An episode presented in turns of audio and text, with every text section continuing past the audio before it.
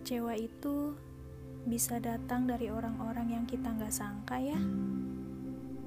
Terlebih, orang itu udah sangat kita percaya. Apa pun alasannya, orang lain menyembunyikan sesuatu yang berkaitan tentang kita, itu hanya bisa dibenarkan oleh satu pihak saja. Jadi salah apabila beralibi dengan mengatakan demi kebaikan bersama. Apa yang baik untuk sesuatu yang kita nggak tahu? Aku setuju dengan ungkapan lebih baik tidak tahu dan kita akan tetap baik-baik saja. Tapi itu option di mana kita emang udah bodoh amat. Sekarang gini deh, kalian suka nggak bahagia karena kebohongan.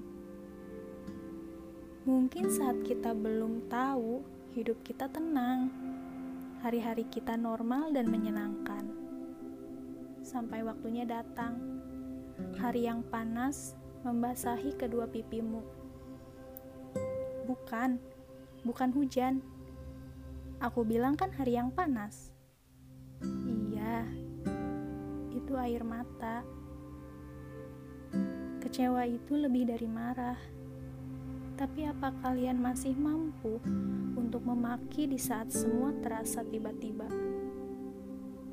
Aku sih cuma bisa diam. Bohong kalau hanya diam. Iya deh, aku tambahkan. Dan nangis.